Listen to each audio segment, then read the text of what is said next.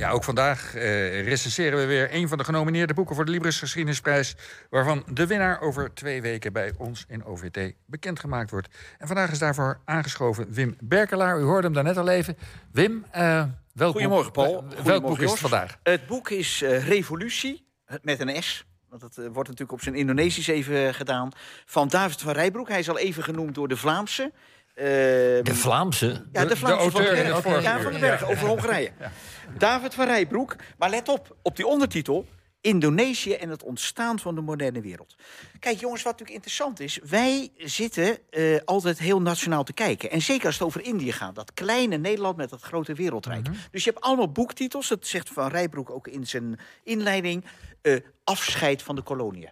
De laatste eeuw van Indië. Dat gaat allemaal natuurlijk over Nederland. Je bekent de bekende leus na de oorlog. Indië verloor rampspoed geboren. Maar wat Van Rijbroek doet, en dat doet hij toch wel verrekte goed. Kijk, dit is een boek met een grote greep. Met een gigantische literatuurbeheersing. En hij heeft al met al, hij heeft vijf jaar over het boek gedaan... een maand of acht, negen in eh, Indonesië heeft hij doorgebracht. Heeft de laatste ooggetuigen geïnterviewd. En dat verwe- verweeft hij heel mooi in het boek. Maar het echt knappe van het boek is dat hij laat zien... Ehm, kijk, als je nadenkt over de wereld, moet je je voorstellen. Jan heeft ook over de wereld nagedacht. Het boek is een wereldgeschiedenis van het werk. Als je nadenkt over de wereld, dan denken wij na over, in de eerste plaats altijd vanuit Nederland, de Verenigde Staten. Dan willen we ook nog nadenken over China, want ja, de opkomende wereldmacht. We denken over Rusland na, Poetin, vroeg het communisme. Maar wie denkt er in vredesnaam ooit na over Indonesië? Als wij over Indonesië nadenken, dan denken wij eh, kaaskoppen, eh, met uitzondering misschien van anderen, eh, die hier niet als kaaskop zitten. Wij denken aan Nederlands-Indië. Maar wat hij doet is, Indonesië is een land waar, daar eindigt die epiloog ook heel goed mee, waar eh, de onafhankelijke, de ongebonden staten begonnen. Ja. Dus dit is een land wat veel groter was dan drie eeuwen kolonialisme. Dit is een land wat eigenlijk al die tijd sluimerend onder de kolonie een eigen kracht had. En die eigen kracht die wordt tien jaar, of eh, zes jaar, hè, 1949 wordt Nederland, Nederlands-Indië onafhankelijk. En dan eh, heb je de conferentie in 1955 van Bandung. En Ja. in Bandung begint eh Sukarno, de toenmalige president, die begint met de ongebonden staten. Dus zo knap van hem heb ik nooit over gedacht. En ik Ja. geloof van overtuigd dat hier in de zaal en ook bij de luisteraars veel mensen denken in Nederland aan Nederlands-Indië Ja. nooit aan het onafhankelijke Indonesië. Ja, nou ja, er zijn natuurlijk een paar biografieën van Sukarno geschreven... waarin dit verhaal wel aan de orde komt. Maar Ja, dat is maar, maar let verhaal. op, Paul, Ja. dat is ook goed wat je zegt. Maar dan ben je geïnteresseerd in Indonesië. Ik ben zelf helemaal geen Indonesisch-specialist. En het knappe van het boeken, als je een boek Het brengt lezen... alles bij elkaar. Alles zit bij elkaar en ook nog geschreven in een briljante stijl... met veel inlevensvermogen.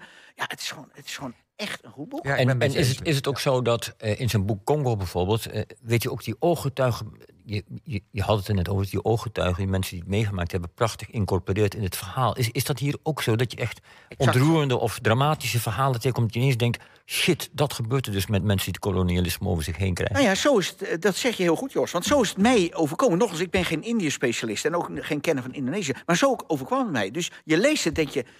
Ja, verdomd, dit is dus die geschiedenis geweest. Ja. Maar de Het geschiedenis is- mooie is dat hij zelfs John in Nepal, Galen. Ja. in Nepal soldaten heeft opgezocht, Britten, die, de Gurkha's. Dus- Dus dat, hij- dat hij het veel breder trekt dan Ja. alleen, eh, Ja, alleen de- de- Indonesië. dat, dat zijn soldaten die voor. Die, die voor de Britten de het orde moesten in 45 Ja, de orde juist. moesten Ja, orde moesten. Ja, die, Ja. eh, met name bij, in, eh, in Surabaya. En misschien Ja, heb je dus hier een Vlaming bij nodig. Dat is het interessante van, van buitenstaanders die naar zo'n Nederlandse geschiedenis kijken. Misschien hadden we de Vlaming van Rijbroek nodig om ons te trekken uit dat nationale debat. Eh, waarvan je altijd proeft, ook bij historici die 50 jaar na dato kijken, eigenlijk altijd kijken, ja, we zijn iets verloren, we zijn iets kwijtgeraakt. En Van Rijbroek, die kijkt er ook naar, ja, maar jongens, dit is gewoon een land en volk, wat natuurlijk ook een, een, een, gigantische omvang heeft. Ja, Wim. Ja. Wim, jij gaat er niet Oh, over. Je, gaat- je gaat er niet over. ja, oh. Nee, nee, maar ik, ja, Oh, ik moet stoppen, Je- Nou, nee, je moet een slotzin eh, verzinnen. Ehm, eh, je, je gaat er niet over. Is het een winnaar? Ja, nee, kijk, ik, eh, dat is mijn slotzing, Jos. Heel ko- kort en krachtig. Als, als dit boek het niet zou winnen, zou mij dat verbazen. Let op, ik zit niet in de stoel van... Ik zit nooit in de jury, maar dit maakt een grote kans. Goed, Dan wraken we de jury. Hartelijk dank. Ja.